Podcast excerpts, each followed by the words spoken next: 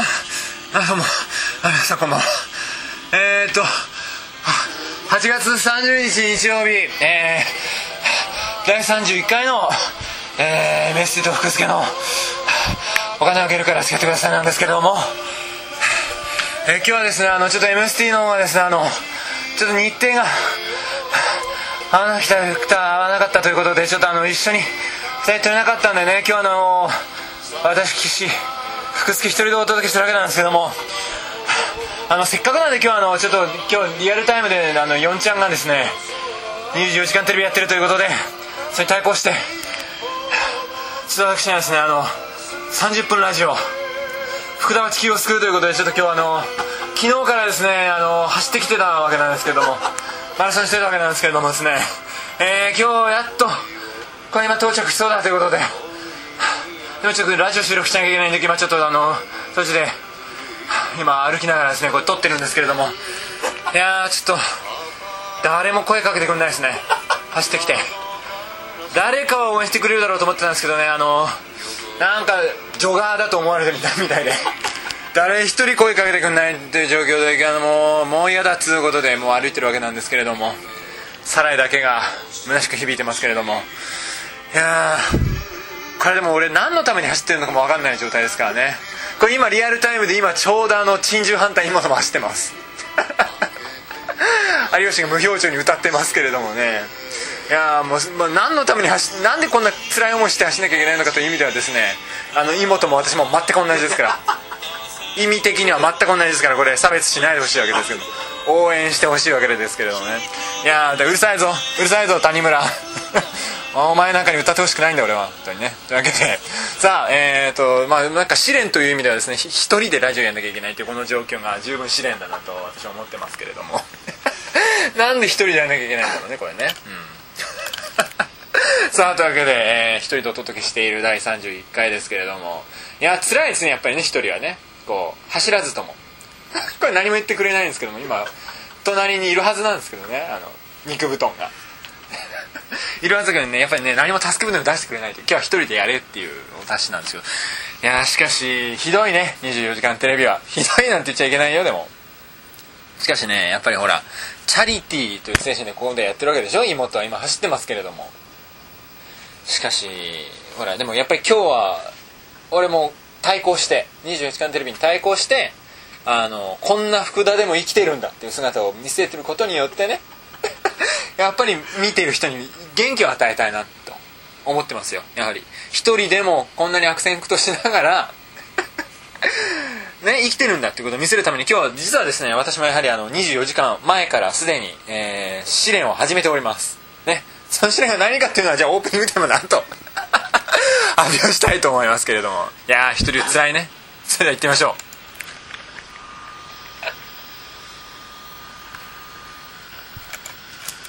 しますオープニングテーマをかけるのをちょっと失敗してみましたけども。ね。一人だとやっぱりこうこういうなんか失敗した時にフォローしてくれる人もいないっていうね。さあ気を取り直してまいりましょう。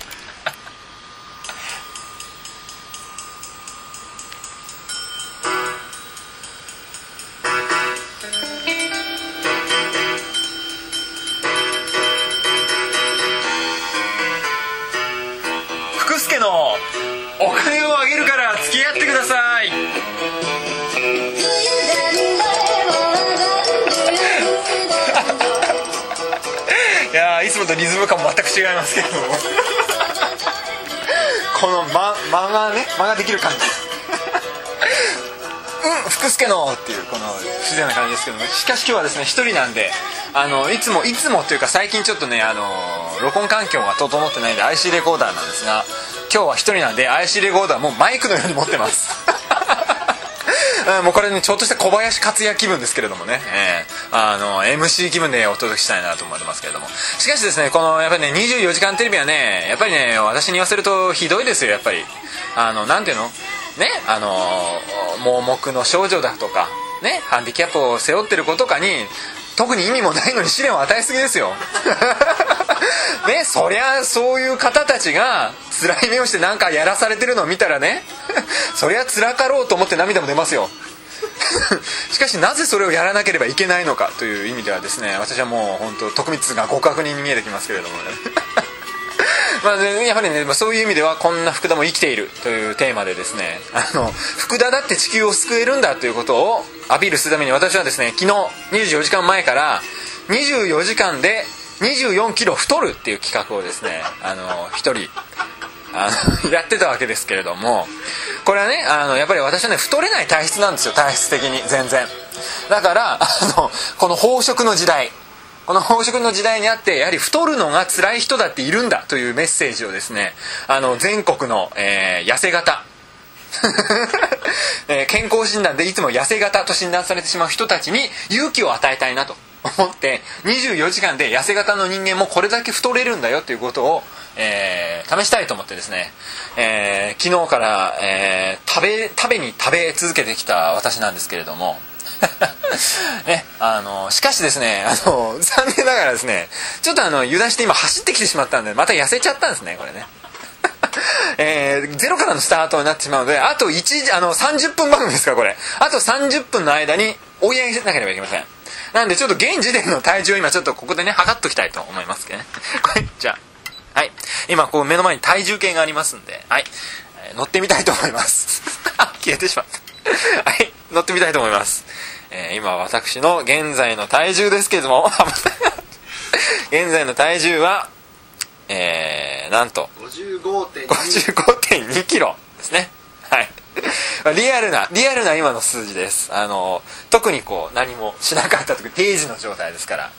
ここからあと30分で私はいくら太れるのかということをですね試すために、えー、今回じゃあちょっとね、あのラジオをお聞きの痩せ型の皆さんにですね勇気を与えようということでいくつか企画を用意してるんです。ね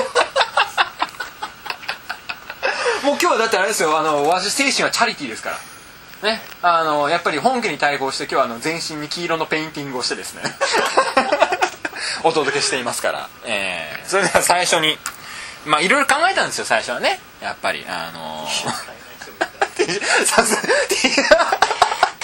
T シャツを買える人だけがねあの国民じゃないですから。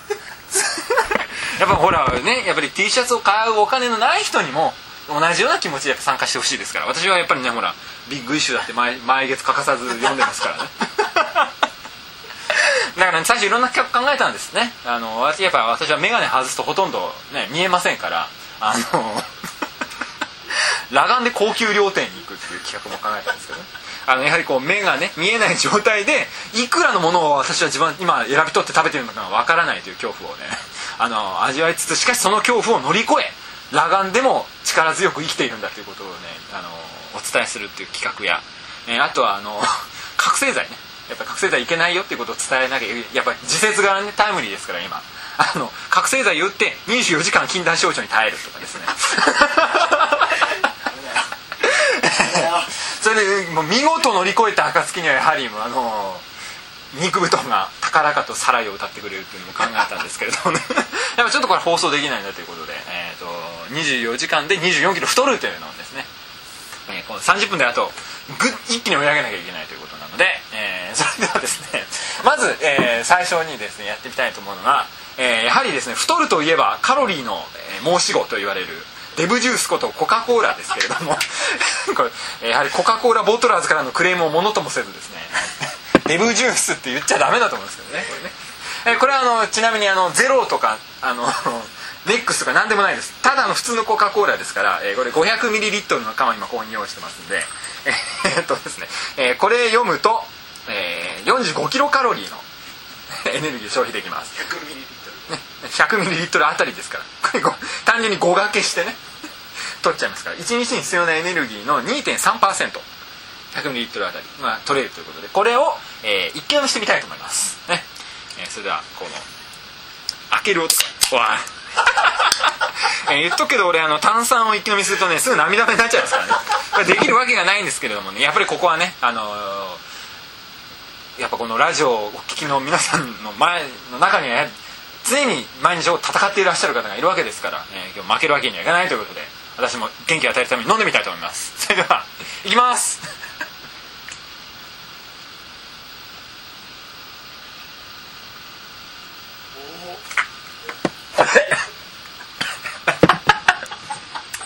ダメです。頑張れ。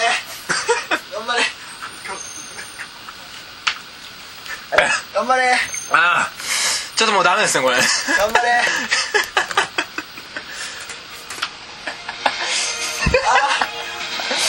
あ頑張れ。これちょっとままだ3分の1ぐらいかまもしれない、ねだできるよ、いきます。すけ。飲んでます。くすけ飲んでますよ。半分ぐらいいったかもしれない。リスナーの皆さん半分ぐらいいった。くすけ飲んでますよ。なんかちょっとゲップの音も今お伝えできない。かっ頑張れ。くすけたあー。あー辛い。あー辛い。一気に飲めてないぞ 汚いぞ。汚いぞ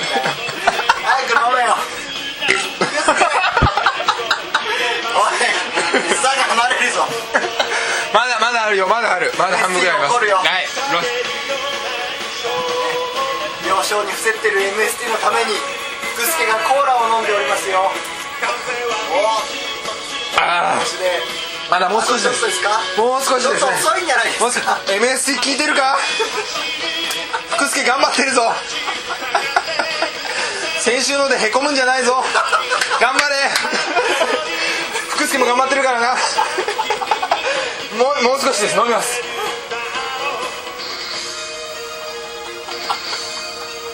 飲んでます。よ福助飲んでます。よおあーまだまだもうちょっともう MST 聞いてるか頑張れ福助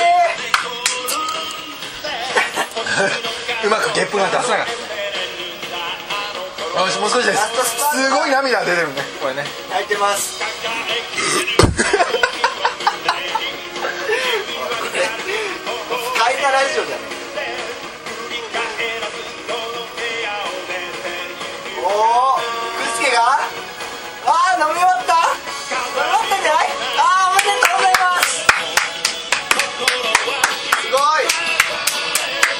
です。ああ喋って辛い喋ってラジオだよ辛い。辛いよ。辛いです辛い。いやーちょっとねまさか本当に 500ml 飲み干すと思ってなかったねこれね。しかしねあの飲み干さないことにはこれオチがつかないなと思ってね引っ込みがつかなくなってあんまり伝わってない。んだよねこれね全然。映像でない限り全く伝わってい。やなんでこれやることにしたなんでやることにした？おいお前に言われたような気がするぞ俺。あうわいやーこれは一人だからさやっぱフリートークの充実度で持たさなきゃいけないと思うんだよ。ほぼ無言だったからねこれ今この間。いやー MST 聞いてたか？これがこれが福助の戦い方だ。えーとえーと今ですねあの肉太の鬼のような一言があの俺まだ全然お腹がこなれてないんですが次っていいですか？ということでですね、えー、と次は何かと言いますとですね えーとままだ太んなきゃいけないんでね、はい。えーゲップが止まらないんですけれども、えー何かというとわさびおにぎりルーレットわさびおにぎりルーもうタイトルがおかしいだろ。タイトルがおかしいだろ？なあ本家はさ約束のキャッチボールとかなんだよ。難病と戦う少年と上原投手がね？キャッチボールするんだよ約束したから、はいこっちなんだよ。えわさびおにぎりルーレットって何この？いや。孤軍奮闘な感じ。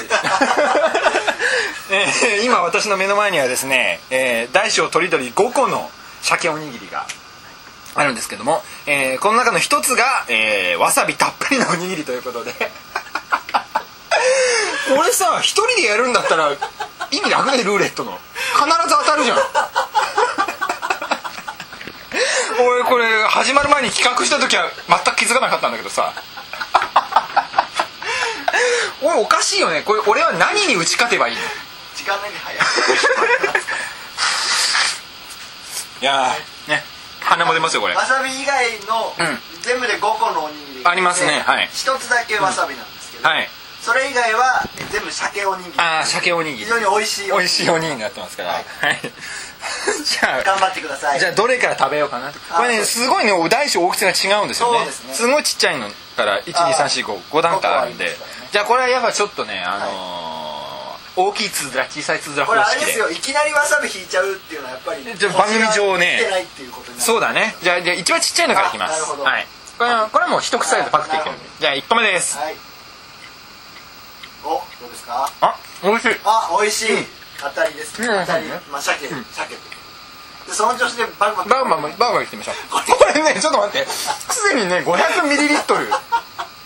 ね500グラムのさ ものが俺の中にはすでに鎮座してるんだけどまあこれどんどん食べていかなきゃいけない。24キロ太んであそうだ24キロ太る。もうこんなこと言ってられないよね。そうですよ。はい。じゃあちょっと今度はねじゃあ一番でかいのいってみようかな。あーなるほど、大きいねはい。あ一口でいってください。ちょっと待って一口。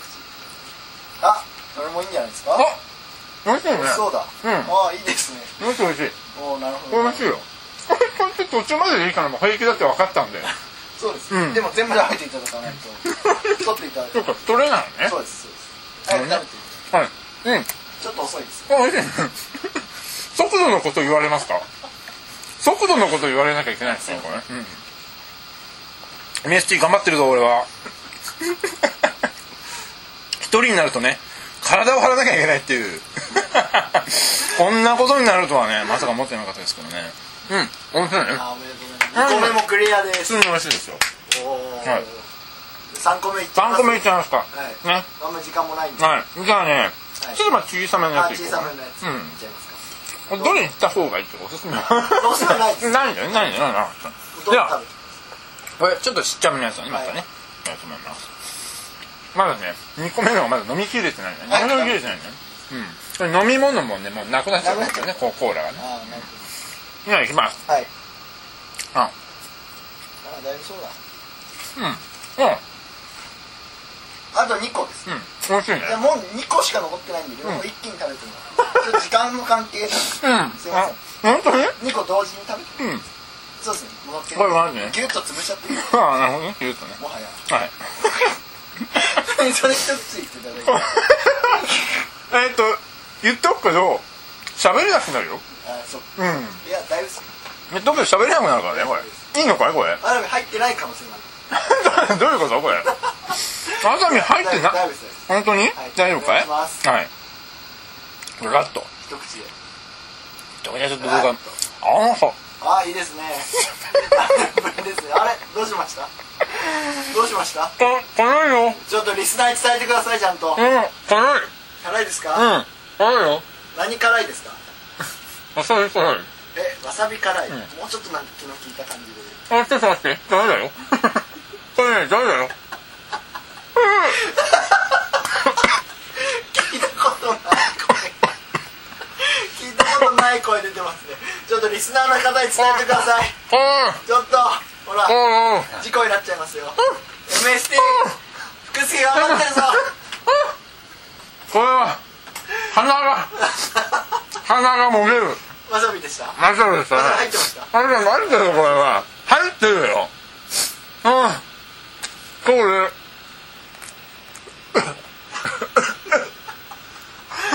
大丈夫ですか？あ。ラジオですよ。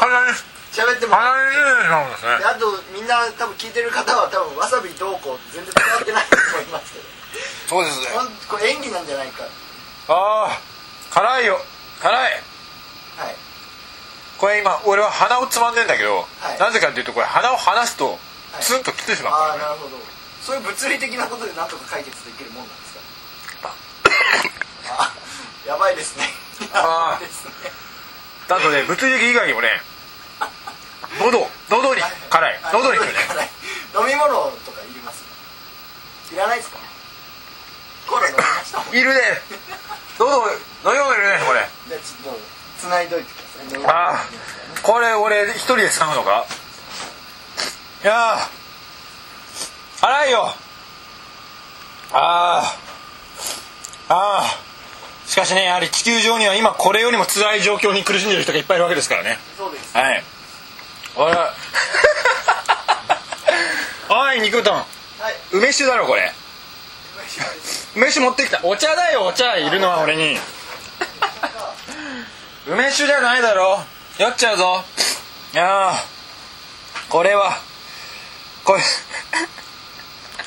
辛い。辛すぎる。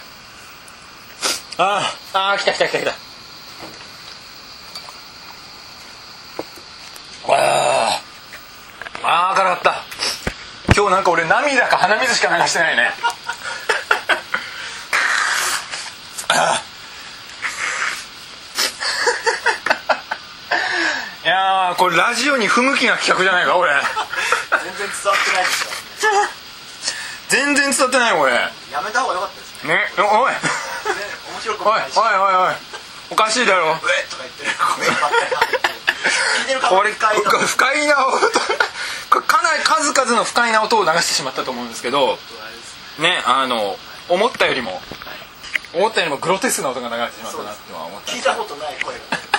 ふえーっつったからねうんこれでねあのちょっとね食べきれなかったんですけどさっき。食べきれなかったんですけど食べ残りの方を見たらわさびがもう全然入ってないん見事に食べきったうん。人あのね正直まあ食べる前に若干緑色のが見えたんだ 押しつぶした時に。だからなるべく緑側から食べようと思って。うんそうなんね。いやーこれを聞いてはい。元気出してくれたんじゃないかな。い感動しました。ねラジオの前の MST も。感動したねちょっともう若干声がおかしいからね。なんか。おかしいですよ声が。ガラガラです。はい。なるほどね。いやーしかしああちょっとこれ曲かかっちゃった。はい。ちょっとこれまたこれかかったらこれ走ってから。走らなきゃ。ちょっとごめん。またちょっと走ってくるから。俺。えなんで？だって俺負けないでかかってきちゃったから。音楽音楽えなになに？ダメダメなんで？なんで？これ走ってくりますよ。これね。今日、ん。あのこの後新企画。はい。新しいネタのこれね。やりますから。この後に及んでですか？走っちゃダメです。この後に及んで新企画で新すか？企画あります。この新企画を本当に？うん。あのちょっと紹介して、はい。来週から投稿募ります。ああなるほどね。やってもらわないと。いやちょっとやっぱ31回だと出直さないとね。これです。はい。えー、っとですね。さ あそれでは新企画。えー、新企画はですね、えーさっきさっきついさっき肉うどんが思いついた。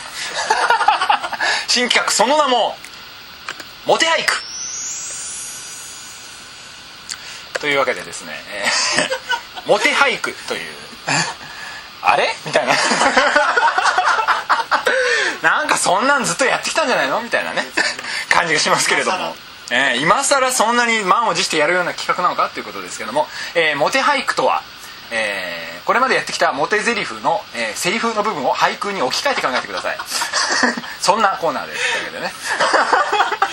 まあしかしですねモテ川柳じゃないですからねこれ。モテ俳句ですから俳句には季語が必要ですよ、これどういうことですかこれ肉うどんさん。説明するんですか僕。肉うどんさんこれどういうことですか？あの季語が必要なのでその季語を毎週こちらで設定して、うん。まあ、それをお題みたいな形にして、はい。あのまあ、俳句を皆さんに考えてもらおうというコーナーなるほど。いいですね。いい麦茶休憩でした ね。麦茶を飲むタイミングが今やっと取れましたね。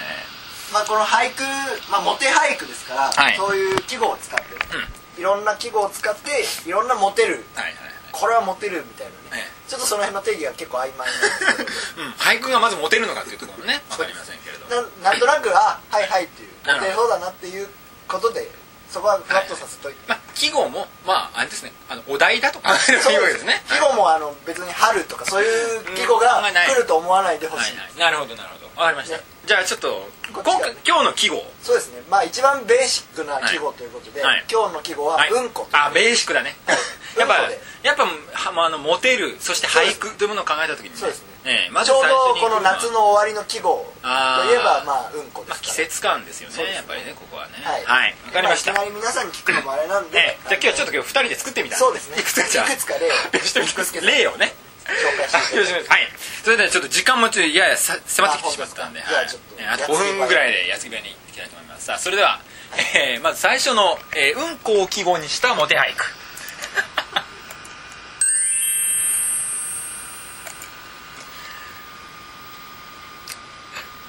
好きだからお前のうんこいちご味。まあこういうことまあまあそうですよねなりますね、えやっぱりこういうなんていうんですかねそのまあいちごっていうね、すごい可愛らしいものですよ。ね、そういう可愛らしい女の子が大好きな食べ物に、その女の子のうんこを例えてみたっていうやっぱりそういう清涼感が伝わってくる。爽やか非常に爽やかな、うん、お前のうんこならうんこもいちごの味だぞって。そうですね。彼女が実際にいちごを食べた可能性もね。食べたかどうかは実はそんなに問題ではない。それは関係ないんだやっぱ関係ない。なるほどなるほど。そこに何か他の感情があれば うんこすら愛愛によってねいちごに買ってくる。なあ、はい。これは深いですね。はい。それではじゃあ肉ぶどうさんもちょっと本当ですか？あこれね河川引いてあるのがあったさっきあのあはい。肉ぶどうさんが考えてくれたやつだったと思わかりました。うはいじゃあはい。じゃあよろしいですか？はい。じゃあ行ってみたいと思います。えー肉ぶどうさんのモテ俳句。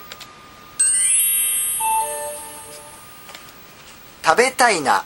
落ちてる君のうんこをさ これもね非常に美しいというか美しいまあですね、純愛ですよね。そうですね。やはりあのー落ちている。そうです。ということところがポイントでしょうね。おそらく彼女があのちょっと粗相というかあ。あの間に合わなかった。あなるほど。間に合わなかったんですけども脱粉してしまったんですね。そういった時にねどういう対応ができるかっていうのはやっぱ男としての大きさというか。フォローだ。器の大きさみたいな。器の大きさというかね。これもちろん今男が女の子のうんこを食べるっていう設定になってますけども、逆もまあ逆もまたしかりですね。ね。はい。ど。んどん食べていったらいいああ どんどんどんどんお互いが食べてはいそうですね。ねいや器の大きさ。そうやって人間は大きくなっていくものだそう。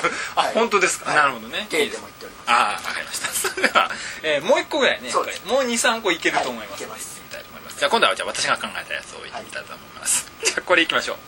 今それでは、えーうんこの記号にしたモテ俳句。話すなよ。俺のうんこに捕まって。これは頼もしいですね。ね。これは楽しいですね。リポビタンリポビタンみたいな状況に置かれた時に。何かねそういうちょっとあのき危機が彼女の身にはい。崖から落ちる的な危機がね、襲ったんですよこれ。ね。これロープもないと。い った状況で命綱になるものはやはりうんこだけだったんでしょうねこれね。やっぱりこういうそういう意味でもやっぱり体調管理っていうのは重要。重要ですね。やはり必要な時に必要な量のうんこが出せるっていうね、えーことですね。お今今今ですねちょっとあの選挙速報的な うわえうわうわうわうわ衝撃のー、すごいですね。すごいですね。政権変わるんですよねこれ。完全に変わる完全に変わりますねこれ。その瞬間ですよいや 今瞬間を見てしまいましたけども マイナス204議席ですかこれ。ちょっと負けびっくりしてしまいじゃあちょっとモテ俳句どころではなくなってきてしまいましたけれども。モテ俳句やりましょう。モテ俳句やりましょう。もう一個ぐらい。もう一個ずつぐらいいけます。あもう一個ぐらいいけるんじゃない。ですかはい、それでは、えー男らしさあふれる、はいえー後に。もう一個だけ言ってみました、はい。それでは、えーうんこを季語にしたモテ俳句。おめでとううんこで作ったネックレス いやこれもねやっぱりねあの手作りのものをあげるっていうのは、まええ。あそのプレゼントの基本といいますか。そうですよね。やっぱりこの歌を歌うとかね、はい。ポエムを書いちゃうなんていうのはやっぱり女の子嫌がる場合もありますから。まあちょっとねまあ、重すぎてそこで引くね。じゃあどうするんだっていう。やっぱりね他とは違うことをどんどんやっていかないといけないのでやっぱりそう考えた時に、まあ手軽に作れるっていう意味ではね手作り。うんこっていうのはやっぱり日常的なものですからそうですね。ごくごく身近にある。そうですね。身近にあるもの。身近っていうか身の中にあるんですからね。そうですね、ええ。最も近いという過言ではないんですけど、はい。やっぱりそういうものを使ってそういった女の子が大好きなジュエリーを、ええ。こしらえるジュエリーをね。ジュエリーの方をこしらえていくっていうのは非常にやっぱり喜ばれますね。素晴らしい発想じゃないですか、はい。そうですね、はい。こういうことを皆さんにも考えていただきたい。なるほど。はいですね、はいまだ面白いのいっぱいあるまだいっぱいあるんですけどね、まあちょっと時間、まあでもこれね、あの、IC レコーダーなんで、はい容量的にね、まだもう一個ぐらいいけるんじゃない？じゃあちょっと欲張って欲張って、うん、欲張って、ちょっとうんこ頬張ってみましょう、もうちょっとね。はい。頬張っちゃう 頬張ってみましょう。それではいきます。えー、うんこを季語にしたモテ俳句。死に際に、うんこで書いたラブレター。いすごいやー、すごいですね、これ。鉄もないですね。これ。はその まああのインクがなかったんでしょうねこれね。そううん、やはりあのね死に際にだって愛する人にラブレターを残すっていうのは非常にこうドラマティックと言いますかロマロマンティックと言いますか、はね死をかけたやはりメッセージですから、はい。しかしそれを書くものがなかったっていう時にやはりこれあのうんこというのははい。最も身近にある筆記用具。そうですね。やっぱり皆さんに、まあ、その自覚があんまりまだないからやっぱりね芽生えてないでしょうねまだ皆さんにはね。やっぱりねそのないないことってありますよね。あ書くもの忘れた。書くものないなっていう時は、ね、あそれもちろんありますよ。焦ってはいけない。はい。ですぐ文房具屋に走ってペンを買っちゃうなんてやっぱりそんなねエコではない。エコエコじゃないですねそれはね。やっぱり自分のものからどんどん作っていくそうです。まずは自分の身で何かできないかということをね考えていくことが必要ですね。はい。意外にエコな本当かしらね、思想があります。はい。というわけでこんな感じでですねです。えー記号を元に、えー、モテ俳句？そうですね。モテ？モで ねあのリスナーにはもう本当にクエスチョンマークでいっぱいだと思いますけれども。これがやっぱり我々が考える投稿が来るだろう。来るだろうっていう。こういうのをやると統合が来るだろうっていう、ね、やはりあのね一人でやるとここがやっぱり限界なのかな。大塚の脳が考える こうなった。え大塚のミスターブレインですから、ね、こうなっちゃう脳トレこうなっちゃうのかなっていうすごい。さあ、えーまあ、他にもいろいろあったんですけどね。僕だけのうんこで作ったお姫様とかね。いろいろあったんですけどね。作ってます。これはまたうん後の機会ということでね,、また今度ねはい。紹介したいそうですね。さあさあそんなこと来週もこれでいいですか？あ来週もじゃあうんこでモテ俳句、あのぜひ募集かけますんでですね、あの皆さん。ねあの応募してください。そうです。はい。皆さんが投稿が頼りですからお願いします。さあというわけでこうそうこうしてるうちにもう時間ですよ。はいやはり、ね、最後はですね この曲で締めたいと思います。はい。じゃああの最後になりましたんでちょっとあの最後にですね体重を測ってみたいなあなるほど。えーじあの実測でどんぐらい増えたのかなっていう。のをねそうですね。はい。測ってみたいと思います。静かに乗りましょうね。はい。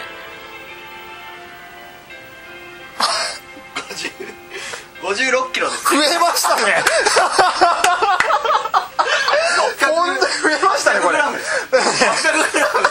や本当にこれとおにぎり。おにぎりぐらい増えすごいですね。増えるんですねやっぱりね。全然届かなかったんでねえ。次週以降福田さんには罰ゲーム。で待っておりますあそれだけーなるほどね。そっか残念だな。しかし本当に実測で増えたことが俺は今ちょっと感動してますけれども。増えるんですねやっぱりね。当たり前ですけれども。単純な足し算なんですけど増えるんですね。というわけでさあそれではですね、えっと、今日一人でお送りしました、えー福助のお金をあげるから付き合ってください、えー MST、えーの病床に伏せってるんだか心が傷ついてるのかちょっとよよく分かりませんけれども、まあ、来週はね 来週はまあぜひ2人でお届けできたらなと思いますんで、えーそれではですね、えー今日は「サライ」を聞きながら、えー、と本家24時間テレビよりも一足早めにお別れしたいと思います。それでは来週もまたモテますようにごきげんよう differently.